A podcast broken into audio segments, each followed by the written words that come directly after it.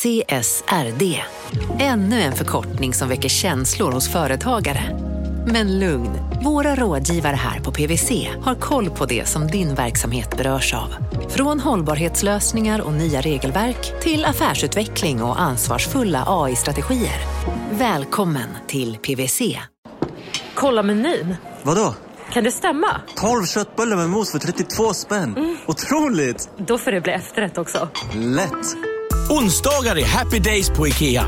Fram till 31 maj äter du som är eller blir IKEA Family-medlem alla varmrätter till halva priset.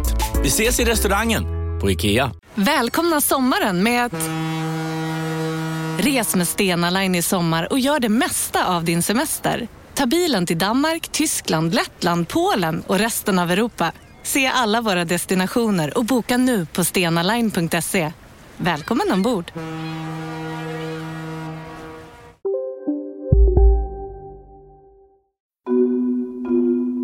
Det här är Christian eh, Holmedal. Bor i Borås. Eh, I 40-årsåldern ungefär. Han jobbar i resebranschen. Eh, tufft just nu. Det är tufft just nu, så han håller på ganska mycket med börsen och sen har han ett till intresse, fotboll. Och, det här är liksom inga så nyfunna intressen. Liksom, det är inte bara så här resebranschen går knackigt, alltså håller på med börsen och fotboll, utan det här har varit med länge. Och för Christian så har fotboll varit ganska så förknippat med betting eh, och liksom att man kan tjäna lite pengar på det här med fotboll. Jag brukade få chans att lämna in stryktips lite då och då, enkelrader för några kronor. Titta på Tips Extra liksom varje lördag. Eh, sen liksom när det kom fram med tävlingar i Aftonbladet framförallt med Drömelvan och Dream Team så var det en sån sak man älskade att plocka ut. Eh. Jag tror ganska många känner igen sig i det här. Man gillar fotboll, man har en förälder som gillar fotboll och så får man lägga typ så här fyra spänn på en stryktipsrad. Noll igenkänningsfaktor för det. Men ja. jag kan acceptera att det finns andra människor där ute eh, som har haft det så här. Mm, jag lovar, det finns, jag är en av dem. Och, och Christian är en av dem. När eh, bettingen kom till internet runt millennieskiftet så var man ju som tidigt på att eh, ha det som ett intresse, att liksom lägga lite spel då och då. Inte i jättestor skala på den tiden, men ändå att det var ett kul intresse. Christian var också tidigt på pokerboomen, eh, Ladbrokes och andra sådana så nätpoker bolag som började ta upp det där. Pokersättet, var det årets julklapp 2005 eller? Det var det, precis. Och eh, Christian håller på med de här sakerna eh, större delen av sitt vuxna liv, alltså börsen och betting. Och det går ganska bra på båda fronterna egentligen. Alltså, inga så sjuka pengar, men ändå liksom eh, bra. Och så fortsätter det fram till våren 2018. Då kom det upp en eh, sponsrad Facebook-annons i mitt flöde jag kände till loggan och namnet sen förut. Men eh, visste inte någonting om det egentligen. Och läste på lite om det och tyckte att det verkade intressant. Vad var det han fick eh, reklam för? Det var någonting som hette Football Index. Det var väl någon algoritm som kände av att jag gillar både fotboll och aktier. Om det var så att algoritmen var inställd på att hitta då, liksom personer som gillar fotboll och aktier så var det en ganska så välskriven algoritm måste jag säga. För Football Index är väldigt mycket en blandning mellan just fotboll och aktier.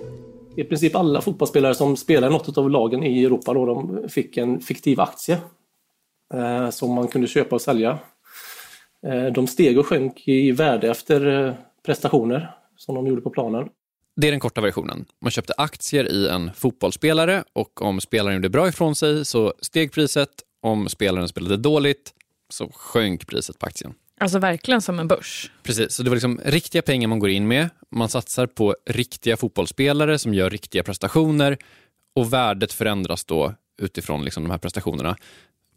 Skillnaden gentemot en börs är ju då att du äger ju inte en, en faktisk del i en fotbollsspelare. Det är inte människohandel på det sättet. Jag tar armen! Exakt.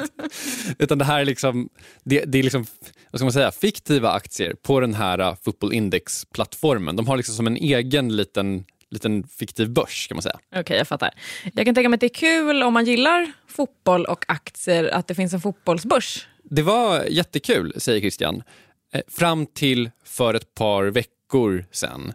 För då, Åsa, så hände det en grej. En grej som vänt upp och ner på hela den här världen. För eh, den här börsen, där man säljer aktier knutna till fotbollsspelare, den har fullständigt kraschat. Från Monopol Media, det här är Kapitalet med mig Gunnar Harjus. Och med mig Åsa Secker. Den här veckan om Football Index.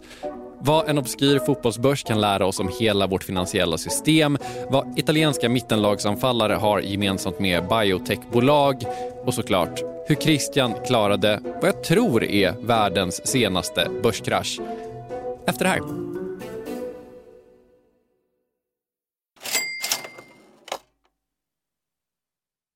Vi sponsras av Storbrand Asset Management som ju förvaltar över 1000 miljarder norska kronor, bland annat för SPPs eh, många pensionssparare. För två år sedan så investerade Storbrand i drygt 60 tåg, alltså tågvagnar, eh, som rullar mellan London och Skottland.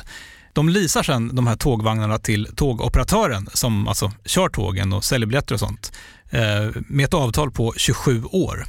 Så britterna får nya fina tåg och storbrandskunder, eh, däribland alltså SPPs pensionssparare, får en inflationsskyddad avkastning med låga risker under lång tid. Det här är ett av supermånga exempel på hur pensionskapitalet i växande omfattning bidrar till att bygga samhället och inte minst till att klara klimatmålen. Det behövs elproduktion, elnät, batteriparker, nya transportlösningar och allt möjligt. Bara i Europa antas investeringsbehovet för att klara klimatmålen uppgå till tusentals miljarder dollar. Och det här är ju pengar som ganska ofta saknas i statsbudgetarna. Däremot är det här pengar som pensionsbolagen kan vara med eh, och stoppa in, vilket ger pensionsspararna en fin avkastning under lång tid samtidigt som man är med och ställer om samhället. Vi har gjort ett helt avsnitt om det här eh, som man kan lyssna på. Det publiceras här i Kapitalet i mitten av maj. Ratta gärna in det om ni vill lära er mer om hur det här funkar. Men tack säger vi till Storbrand Asset Management som ju investerar i alla tänkbara tillgångslag, bland annat för pensionsbolaget SPP. Och tillsammans försöker ju vi, Storbrand och SPP öka medvetenheten om hur pensionerna funkar och vilken roll pensionerna spelar i samhället och i ekonomin.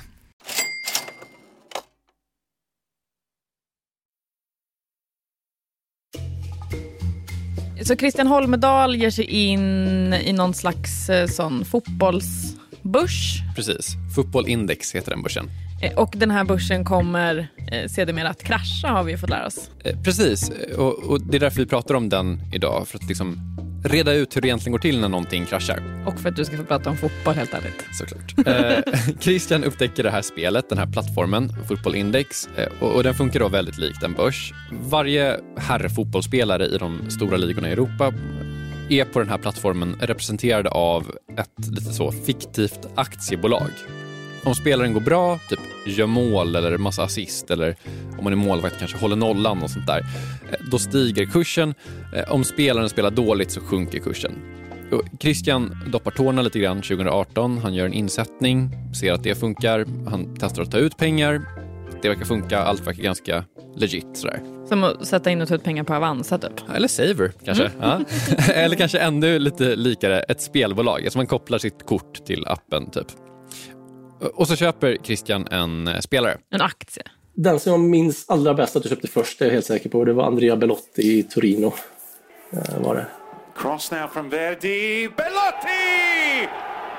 And it is the Torino captain who saves the day! Eh, jag gissar att du och helt ärligt typ majoriteten av våra lyssnare inte är superbekanta med Andrea Belotti. Korrekt. Yes. Han är anfallare i det italienska mittenlaget Torino stor, stark, ganska snygg helt ärligt. Gör mål. Låter kanon tycker jag. Ja. ja. Eh, Christian tycker också det. Eh, 2018 hade Fotbollindex ungefär 100 000 användare och de allra flesta eh, är engelsmän. Och som vi vet så kan ju britterna absolut ingenting om någonting annat än, än just engelsk fotboll.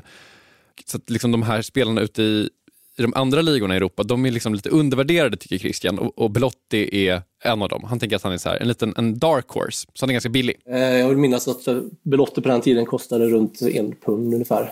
En pund per aktie ska jag säga, alltså man kan köpa flera aktier i en spelare. Och målet är att spelaren ska göra en massa mål och då stiga i värde, antar jag? Precis. Eller så här, det finns faktiskt flera sätt att eh, vinna pengar på Andrea Belotti.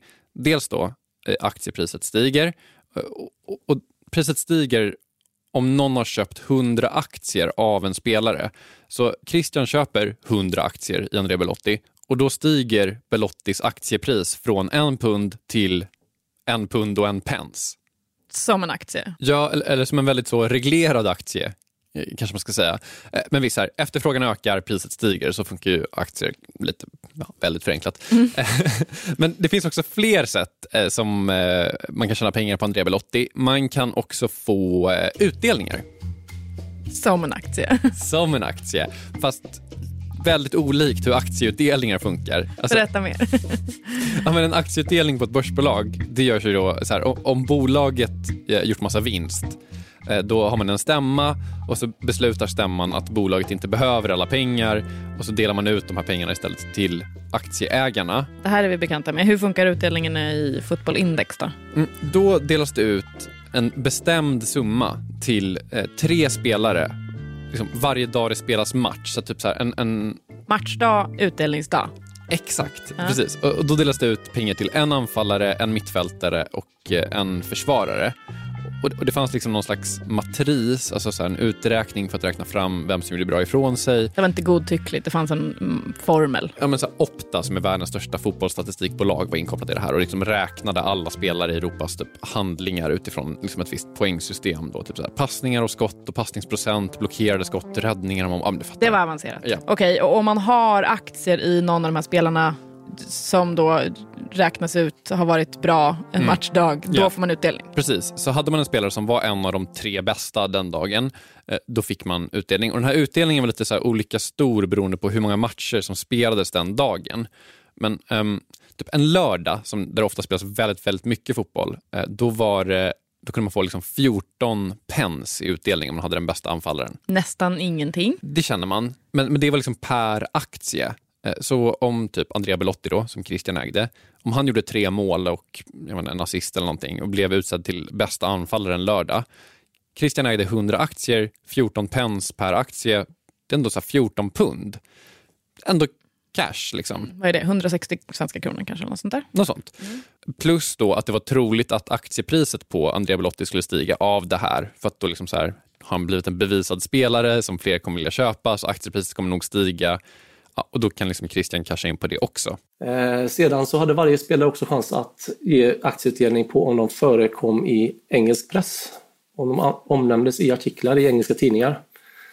Eh, så mätte då eh, datorer liksom hur ofta de förekom i mediebevakningar.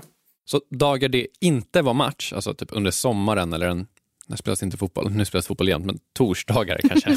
ja, då var det här en ganska stor grej. Man vill bli väldigt omskriven i... Och det här kunde ju vara av helt sjuka anledningar. Typ så här att Neymar kunde bli omskriven för att han hade varit på olika så här Rio-karnevaler och festat väldigt hårt och sådär. Men blev han omskriven så var det inte, det räknas som positivt. Ja, Men, okej. men det kanske lite mer vanligare var att någon ryktades till en annan klubb. Så om till exempel Andrea Belotti skulle ryktas till Manchester United, vilket han gjorde något år innan Christian började med Fotbollindex, då skulle det skrivas väldigt mycket om honom och då kunde man få eh, som mest åtta pence per aktie om man var liksom den allra mest omskrivna spelaren.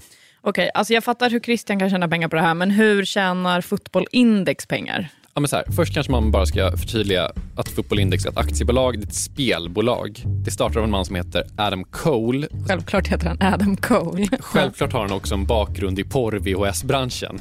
Självklart. Ja. Affärsidén som Adam Cole tog fram då, det är då att han bygger den här plattformen som då rent tekniskt är ett bettingbolag. De har så spellicenser och, och sånt där.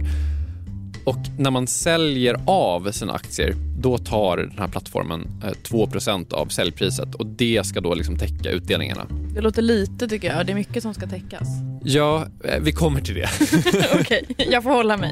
Eh, men hur gick det för eh, vår snygga italienare Belotti? Gick det bra eller? Eh, ja, jag vill minnas att han gick ganska bra. Men eh, han var en sån anfallare som rörde bollen alldeles för lite. Det fanns några stycken då som man liksom tänker att ja, men de gör mycket mål. Eh, men eh, det kan ju vara så att han hade kanske 20 bolltouch på hela matchen liksom, och några stycken var avslut. Så att skulle han få då att bli bäst nästan av alla spelare i Europa som spelade på samma match då så behövde han göra tre, eh, tre mål i alla fall i en match för att det skulle vara aktuellt att han skulle vinna någon aktieutdelning. Towards Belotti. Donnarumma's come a long way and not got there. And Belotti just had to keep it down. Så att jag var nog ganska snabb med att eh, byta ut honom mot någon annan spelare. Belotti var lite som ett sånt där konstigt biotechbolag. Det fanns väldigt så här höga förhoppningar. Och Oftast med sådana här bolag så händer det absolut ingenting, men så plötsligt bara boom så har de fått patent på sin revolutionerande medicinuppfinningslösning eller någonting. Eller då i Blottis fall gjort hattrick och då har jävla varit utdelning. Men, men oftast så vart det ingenting. Men det är lite så här, poten- den oändliga potentialen i det okända. Exakt. Ja. Eh, Okej, okay, men det här var inte Christians eh, melodi. Sitta och vänta på att det kanske skulle bli hattrick. Nej, han köper istället ett, ett gäng andra spelare. Han hittar sin nisch lite mer, som är de här bollspelande mittfältarna som passar väldigt mycket. Han tycker att passningar är underskattade i den här matrisen utifrån värdet och sådär. Så att, det är så, Tony Kroos-typer. Ja, säger ja. inte mig någonting. Men det låter tryggt. Jag tänker indexfonder tryggt. Exakt. Så Tony Kroos är en indexfond, Belotti är ett sånt biotech som kan smälla. Liksom. Ja. Ja. Och som det gör med indexfonder så går det ganska bra för Christian. Faktum att det går bra för rätt många spelare på den här plattformen. Eh, Priserna stiger på många fotbollsspelare, Eh, utdelningarna blir ganska stora. Nu är det så här, allt som folk skriver på internetforum är ju kanske inte helt representativt för hur verkligheten Ah. ser ut. men, men det verkar som att väldigt många tjänar pengar på det här. Det går liksom svinbra för alla. Och eh, det här, om du inte redan har räknat ut det, är ju ett eh, utmärkande drag för någonting som kan bli en eh, finanskrasch. Oj, oj, oj, låter inte bra. Det gör ju inte det. Och vill man veta lite mer om hur en sån här process funkar, då ska man prata med Lars. Ja, jag heter Lars Magnusson. Jag är alls- Jag är professor i ekonomisk historia vid Uppsala universitet. Lars Magnusson har skrivit en bok om just finanskrascher. Vad heter den? Finanskrascher. Topp. Man kan väl säga att eh, de flesta krascher börjar på samma sätt. Det finns tre faser. Eh, det första är då uppgång. Man talar om idag till exempel att, det, man kan läsa om i tidningar varje dag hur man hur Finansinspektionen är orolig för att prisstegringarna på fastigheter och bostäder ökar så kraftigt så att man befarar en, en, en, kan befara en, en bubbla och också då i värsta fall också en krasch därefter. Eh, Så, så, så att det, det, det handlar om de här stigande priserna helt enkelt. Stigande priser i sig är ju inte då en, en katastrof egentligen. Kan ju vara toppen. Ja, precis. Det kan verkligen vara toppen. Eh, På Fotbollindex så verkar det ändå som att så här, det är mycket nya kunder som strömmar till, det är mycket nya pengar som kommer till plattformen. Varför skulle priserna inte stiga liksom? Och, och Christian är med på den här uppgången. Ja, eh, till en början. Eh, Sen så eh, går han bort sig lite grann. Han köper nämligen aktier i en spelare som heter Zlatan Ibrahimovic. Alltid tyckt att den där Zlatan är lite överskattad. Ja, vi kommer inte ta det nu. På den här tiden spelade Zlatan i LA Galaxy i USA. Det här minns jag. Ja. För det var på den tiden jag följde Zlatan på Instagram. Det har jag slutat med nu. Ah, gud vad skönt det är att sluta följa Ja, på Instagram. verkligen. Kan varmt rekommendera till alla. Ja. USA var liksom inte med i fotbollindex-spelet, men man kunde köpa eh, Zlatan-aktier ändå för att han hade spelat i Europa. Och liksom den, det, man kan säga att hans aktiebolag låg vilande eh, på något sätt. Det blir också konstigt för han kommer ju inte att prestera i Europa eftersom Nej. att han inte spelar i Europa. Exakt, så hans aktie var jätte, jättelågt värderat. Men då började det snackas om att han kanske skulle flytta tillbaka eh, till Milan eh, från USA. Han var ju väldigt, väldigt lågt värderad efter man trodde att han kanske skulle avsluta karriären där. Eh, Så jag köpte på mig ganska mycket aktier av honom. Jag hoppades på att han skulle komma tillbaka till Milan och sen stanna han i, eh, i Galaxy och eh, då tappade jag en del på det. Men han spelar ju i Milan nu. Ja, men han flyttade dit ett år senare än vad Christian trodde. Och då liksom aktien gick upp lite grann för att det började snackas om att han skulle dra till Milan. Christian köpte, han flyttade inte till Milan, aktien sjönk. Timing är allt, det har jag alltid sagt. Precis, och när Zlatan väl flyttade till Milan, då var det för sent för då hade nämligen Christian tvingats sluta med Fotbollindex. För att allt hade kraschat. Det hade det inte än, eh, det hände sen. Innan det hände någonting helt annat. Någonting som eh, till synes var ett dråpslag men som visade sig vara väldigt fördelaktigt för eh, Christian. Efter det här.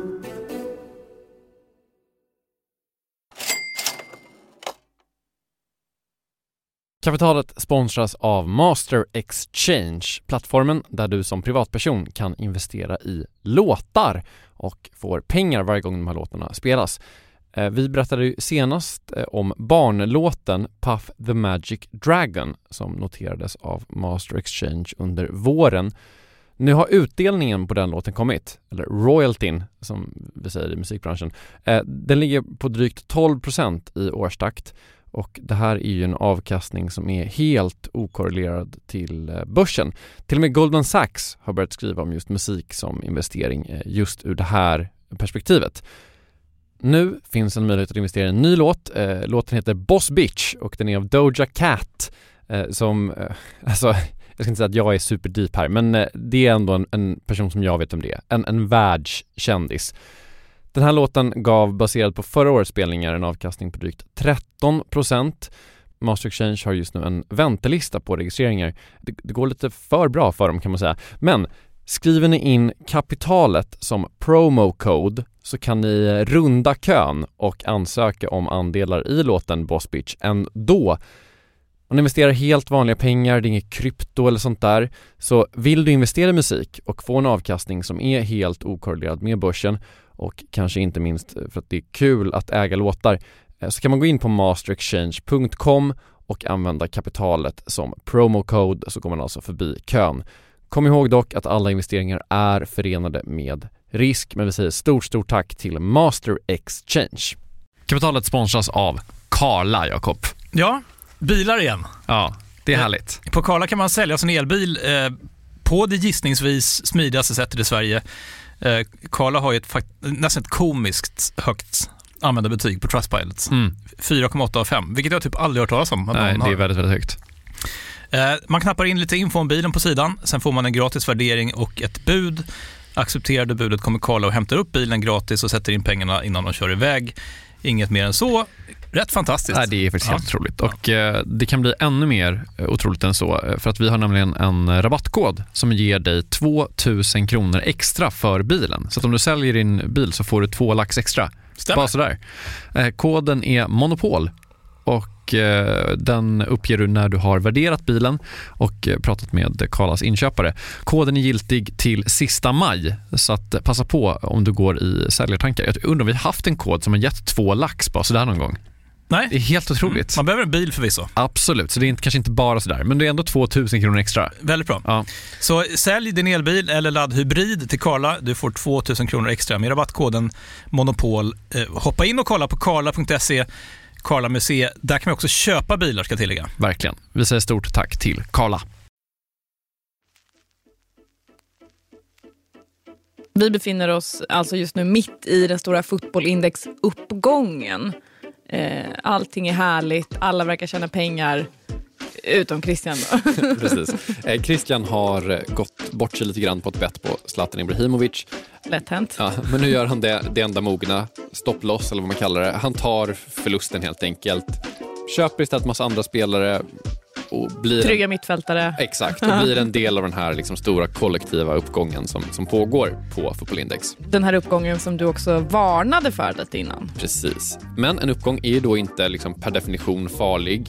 Som Lars Magnusson, professor i ekonomisk historia, säger det riskerar ju bara bli en krasch om något annat sen också händer. Ja, och, så, och det handlar nästan alltid om eh, förtroendet plötsligt vika. Alltså man tror inte längre att det här priset kommer att fortsätta öka utan man börjar, man börjar se sig om och tänka jag får nog faktiskt börja, eh, kanske måste börja sälja lite här. Det har gått upp så hemskt högt. Eh, nu, nu, jag kan casha hem det här nu då, och så, så sen börja sälja för nu tror jag inte att det kommer gå upp mer. Då får många gör det samtidigt, då, då, då sker ju saker helt enkelt. Va? I Fotbollindex-fallet så börjar det så tisslas och tasslas lite om det här utdelningssystemet. Alltså de här pengarna som ges till de tre bästa varje matchdag. Tasslandet sker på olika internetforum. Såklart. behöver jag kanske inte ens tillägga. och det folk skriver är att hela plattformen är det inte lite så att den är uppbyggd som ett pyramidspel? Alltså att det krävs nya användare för att täcka de här utdelningarna hela tiden? Jag känner att de kanske känner som jag, att det är något som inte stämmer kring liksom, eh, plus och minus. Här, att kalkylen inte går ihop med de här två procenten. Men jag fattar inte riktigt pyramidspelsliknelsen. Du får förklara. Okej, men först då utdelningsproblematiken då, att de här två procenten inte skulle täcka det. Alltså, det finns två sätt du kan sälja dina aktier när du, när du har, liksom vill bli av med dem. Antingen kan du sälja dem typ till mig, en annan spelare. Vi kommer överens om ett pris. Fotbollindex tar 2% kanon. Eller om du liksom inte hittar någon så kan du sälja den till ett visserligen lite lägre pris ofta, men ändå eh, sälja den garanterat till plattformen, alltså till fotbollindex. Så har du köpt för 2 pund, priset stiger till 5 pund, du kanske säljer för 4,80 eller någonting. Men, men ändå, du, du har ändå gjort en vinst på 2,80 och det är, i princip så är det ju liksom fotbollindex som tar den förlusten. Sen så tar de liksom ett lite lägre pris, men ändå det är inte garanterat att de säljer vidare de här aktierna Nej. och så vidare. Och så vidare. Mm. Det är den ena problematiken. Det här med pyramidspelsliknelsen kommer från att lite samma sak kan man göra när man köper nya aktier. Antingen kan du köpa av en annan spelare, typ av mig, men du kan också köpa av fotbollindex och de också gör liksom, vad ska man säga, nyemissioner i, eh, i de här aktiebolagen som skapar nya aktier. Så du börjar med plattformen, du vill köpa ett visst antal spelare, du kan köpa en ung spelare som precis dykt upp i spelet. Då skapas ju de här aktierna från tomma intet. Och Mm. Det det börjar pratas om är, visst är det så att de här pengarna behövs för att kunna täcka utdelningarna. Och För de pengarna går direkt till fotbollindex. Exakt. Och de är beroende av dem, börjar man misstänka. det är det man börjar misstänka. Mm, jag förstår. Nu är jag med. Eh, Det ska sägas att allt det här är lite så under utredning från olika sådana brittiska spelkommissioner och eh, de här är ju alltid reggade på Jersey och de här konstiga skatteparadisöarna som de har i kanalen. Mm, Men, eh, men ja, det, det görs utredningar just nu kring exakt hur det här upplägget har sett ut. Olika varningsflaggor hissas, det låter farligt. Verkligen så. Eh, samtidigt eh, så visar också Fotbollindex liksom upp vissa tecken på en någon slags liksom, fig, att de ändå är ganska legit. Eh, de går in som tröjsponsor i två engelska klubblag, ganska stora lag dessutom, jag tror det var Nottingham Forest och QPR. Eh, och, och så här, det är ju långt ifrån gratis. Och det tar man som någon slags sundhetstecken. Att typ så här, okay, men det här verkar ändå vara ett företag som har pengar. De, För klubbarna vill ju ha riktiga pengar. Klubbarna vill ha riktiga pengar och det är också jättebra exponering så de tänker att ja, då kommer det kanske komma nya användare. Ja. Under säsongen 2018-2019 så omsattes det över 300 miljoner pund på den här plattformen. eh, Vilket är, ja, det är typ 3 miljarder kronor. Mer tror jag. Just det. 3,6. 3,6. Ja. Pund står i 12. Pundet står i 12. Mm. Och eh, 4 miljoner pund gick ut i aktieutdelningar. Det låter ju bra, allt det där. Väldigt bra. Men i början av 2020 så kommer en nyhet eh, som... Först, ja, när jag läste den här nyheten så tänkte jag det här låter ju sjukt bra för Fotbollindex. Men, men i realiteten så var det inte så bra. Eh, Fotbollindex eh, sluter ett avtal med Nasdaq. Låter jätteflådigt. Verkligen. Men de gör det av en anledning. Det är nämligen så att de ska skapa ett nytt system för att köpa och sälja spelare. Eh, Tidigare hade man då liksom alltid kunnat köpa och sälja av och till Fotbollindex. Liksom de det fanns en garanti att den här centralinstitutionen alltid kunde, kunde köpa Kan alltid sälja till banken. Precis, ja men verkligen så. Ja. Eh, Det skulle då ersättas med eh, något som kallas för en orderbook som är då Nasdaq är med och fixar. Eh, Alltså att de här spelarna, man kunde bara köpa och sälja av varandra. Så liksom Nasdaq klev in med ett system som kunde matcha priserna mellan köpare och säljare. Alltså som på en börs. Som på en börs. Och eh, i samband med det då så, så började priserna sjunka. Man märkte att det fanns en del storspelare som liksom inte var nöjda med detta. Eh, att kapital började flöda ut ifrån plattformen. Och nu sista tiden då, eh, sen ett par månader tillbaka så har priserna mest sjunkit mer och mer. Och nej, det blir bankrun. Alltså, alla tar ut sina pengar samtidigt och så finns det inga pengar kvar. Nästan. Eh, Det här eh, triggar fram eh, minskad aktivitet på plattformen, så mycket kan vi säga. Och minskad aktivitet är ju dåligt för att plattformen tar liksom en avgift på 2% av säljpriset och ja, då, då tänker man nu säljs det så lite, varför, var får de pengarna ifrån nu egentligen? Så att liksom ännu fler frågor kommer fram kring huruvida det här egentligen är solitt. Och efter det, och nu är vi då framme vid det som hände för några veckor sedan, så släppte Fotbollindex ett statement där man förklarade att de inte längre hade råd att ha så höga utdelningar. Eh, Utdelningsmodellen skulle förändras. Okej, misstankarna var legitima, det här var lite för bra för att vara sant, så nu ska man sänka utdelningarna. Exakt. Och eh, den maximala utdelningen eh, en spelare kunde få från en matchdag, det sjönk då med 80 procent. och eh, de här aktiepriserna var ju ganska beroende av eh, utdelningen. Eller liksom, alltså, det är ju det som är ett aktiepris även på en börs. Alltså, det är så här, förhoppningar om framtida utdelningar. Mm. Så att aktiepriserna, ja du kanske kan gissa vad som händer med aktiepriserna. Ner i golvet. Exakt. Och så här, det här är ju liksom en jättenischplattform som, liksom, det var inte jättemånga svenskar som höll på med det här ens. Man bettade på fotbollsspelare, man kan säga vad man vill om det. Men liksom, det fanns ändå människor med riktigt mycket pengar på fotbollindex. Alltså jag har sett bilder på konton som hade typ en miljon pund på. Och sådär. Och Alltså, till en början så sjönk aktiepriserna med typ 50 procent, vissa sjönk med 80 procent. Alltså, det var folk som hade satt alla sina sparpengar på det här.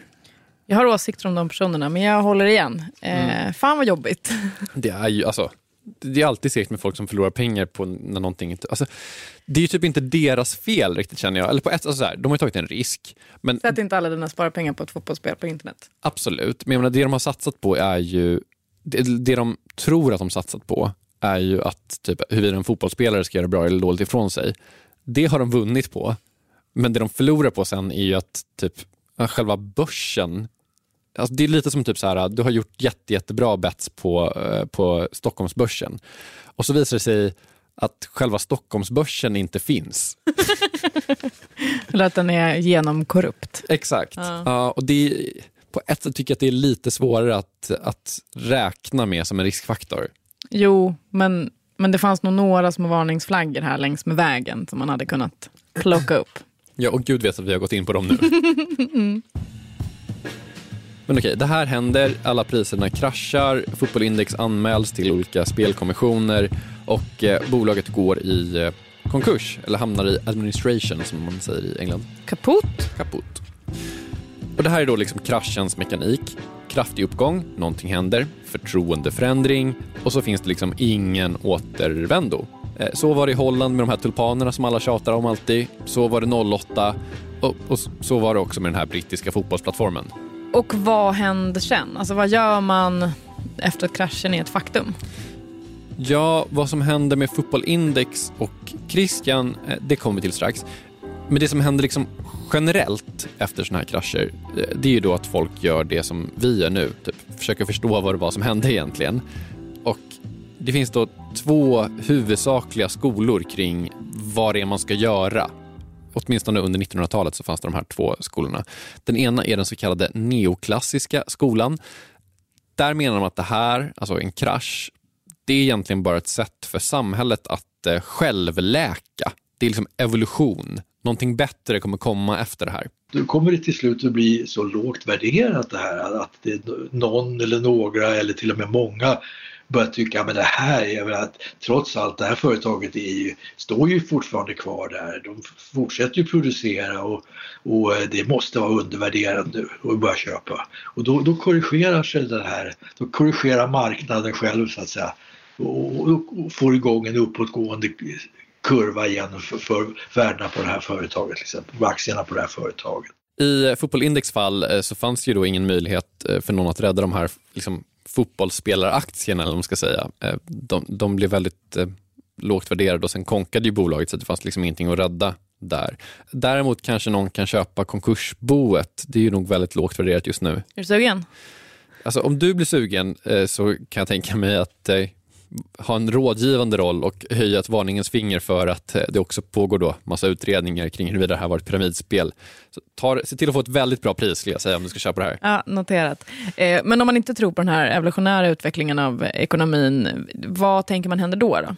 Ja, men då kanske man tänker mer som eh, John Maynard Keynes. Det här är då skola nummer två kring vad man bör göra efter en sån här krasch. Han var lite mer så pessimistiskt inställd till marknadens möjlighet att läka sig själv. så att säga. Han sa att visst, det kanske den gör i det långa loppet. Och i det långa loppet är vi alla döda. In the, in the, in the long run we're all dead. Så, att, så han, var ju, han var ju skeptisk till möjligheterna för marknaden att klara sånt där själv. Han kunde ju tänka sig situationer där, där, där, man, där man kan säga, depressionen flatade ut sig och blev, och blev liggande under väldigt lång tid. Och eh, 30-talskrisen på något sätt eh, efter, efter Wall Street då, som ju varade fram till mer eller mindre fram till andra världskrigets utbrott. Det, det, det, ja, det, det på något sätt besannar ju hans bild lite grann. Och, och så hans, hans, hans typ av Keynes- den keynesianismen var vad kan säga, skeptisk till de självläkande krafterna helt enkelt. Det Keynes menade är att eh, staten måste gå in och styra upp liksom allt när något sånt här händer. Alltså typ, gå in och stimulera marknaden, skapa nya jobb. Det kan typ vara vilka jobb som helst i, liksom, i vissa fall. Öka sina utgifter drastiskt, pumpa in massa pengar i ekonomin. Ja, Nu kanske inte The New Keynes, Deal. Exa, ja, men lite så. Ja. Nu kanske inte Keynes pratar om fotbollsaktiemarknader på det sättet. Var han inget fotbollsfan? Han verkar ha sett en fotbollsmatch, Aston Villa Blackburn 1-3. Hur som helst, Football Index gick i konkurs. Eh, Det är lite oklart vad som kommer hända med företaget nu. Okej, men, men Christian då? Förlorade han alla sina pengar eller? Nej, han gjorde inte det vet du. För att han hade faktiskt lämnat för länge sedan.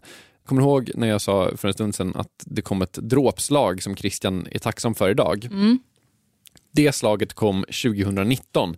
eh, För då trädde nämligen den nya svenska spellagstiftningen i kraft. Om du hade ett spelbolag och ville att det skulle vara tillgängligt för kunder i Sverige, då var du tvungen att skaffa eh, någon slags licens här. Eh, Det här var jätteomstritt när det kom i så detta. spelbolagskretsar. Mm. Och eh, i början så märktes det ingenting av det på Fotbollindex. Jag fick väl känslan av att eftersom de är lite grann ett, av ett hybrid mellan ett spelbolag och lite grann med inslag av en investeringsplattform så kände jag att det kanske att de har något undantag. Men sommaren 2019 då så kom det ett, plötsligt att eh, meddelande om att vi har fått besked av svenska spellagstiftningen att om vi ska fortsätta ha kunder i Sverige så måste vi skaffa svensk spelarlicens eh, för detta och eh, det var ingenting som hade på planen att göra. Så Fotbollindex köpte alla svenska investerares aktieportföljer. Eh, Christian fick tillbaka alla sina pengar, liksom, eller alla pengar som fanns på kontot, vilket när allt var räknat och klart var faktiskt en liten vinst på ett par hundra pund. Sådär. Men gud, så trevligt. Det kunde varit värre för Christian alltså. Kunde varit mycket värre. Eh, Det kändes lite snopet eh, kan man säga. Man hade lagt ner ganska mycket tid på det men väldigt, väldigt kul, kul sak och hade lite abstinens efter hela i början. Man kan säga att spellagstiftningen räddade Christian i det här fallet. Det skulle man nog kunna säga faktiskt. Aha. Bra jobbat eh, spellagstiftningen. Eh, men en sak som, som jag tänker lite på när Lars och Christian pratar om den här uppgången och sen det här fallet, det är att alltså man känner ju igen det här händelseförloppet. Alltså, hur kan vi vara så förundrade över det här varje gång? Alltså, efter en krasch så ska massa forskare sätta sig ner och ta reda på vad det var som hände. Vi vet ju vad det var som hände, för det är exakt så här det går till varje gång. Det är en tanke jag har. Den andra tanken jag har är, det känns ju också som att när det här väl sätter igång så är det omöjligt att stoppa. Fastän att det inte borde vara det, för vi har sett det förut. Mm. Alltså, så känns det ju. Samtidigt så säger Lars två saker. A. Man märker inte de krascherna man har undvikit. Smart. Eh, det, är, det, kan- det kan finnas ett antal krascher där ute som vi har duckat för att vi har lyckats vända någonting i rätt tillfälle. Och så har vi bara fortsatt som vanligt. Ibland tänker jag på att Säpo kanske stoppar en massa terrordåd utan att jag vet om det. Kan eventuellt hända. Eh, det andra är då att vi skulle kunna undvika det här helt om vi hade ett helt annat ekonomiskt system. Alltså där man till exempel inte är fri att spara i tillgångar överhuvudtaget. Eller att man inte har... Typ, eller att man inte har rörliga pengar helt enkelt. Då skulle det vara ganska otro... Men då får man göra avkall på ganska mycket annat. Och då är frågan, tycker man att det är värt det? Ehm, och vi som samhälle just nu verkar inte tycka det i alla fall. Nej. Nej, vi har liksom vant oss vid det här. Men Lars håller samtidigt med dig. Alltså det är lite väl förutsägbart alltihop. Och om han får höja blicken och gissa hur en ny krasch för kanske mer samhället snarare än för en fotbollsplattform skulle se ut. Då kommer det nog bli ungefär på samma sätt som de krascherna vi känner och älskar. Jag är lite rädd för ibland att vi, har lärt, vi lär oss lite för lite egentligen. Att vi har en viss tendens att upprepa den här typen av misstag. Eh, och glömskan är stor va? och minnet är väldigt kort. Eh, så att jag skulle kunna tänka mig att det skulle se ut som 2008 ungefär. En gång till. Och med de ganska dystra orden eh, så är kapitalet slut. Nu tycker jag att du och jag och alla våra lyssnare går och tar oss en lång funderare på vad vi kan lära av historien. Gör det. Om vi, om vi alla gör det nu, lär oss av historien och så, så går vi in nästa vecka med liksom ett, ett nyfunnet, en nyfunnen insikt helt enkelt som gör att vi kan undvika krascher för alltid. Mot en kraschfri framtid, let's go. Har ni någon eh, spektakulär börskrasch eh, som ni inte tycker att det rapporterats ifrån nog eh, så kan ni mejla mig på gunnar.monopolmedia.se. Eller mig, asa.monopolmedia.se. Ja. Ja, vi hör ju. Mm. Ja. Kapitalet görs av oss eh, samt av Teresa Kristoffersson och Jakob Bursell. Kristoffer Krook har mixat det här. Eh, gå in på poddtipset.se och signa upp för de bästa ja, poddtipsen. Hej då! Hej då!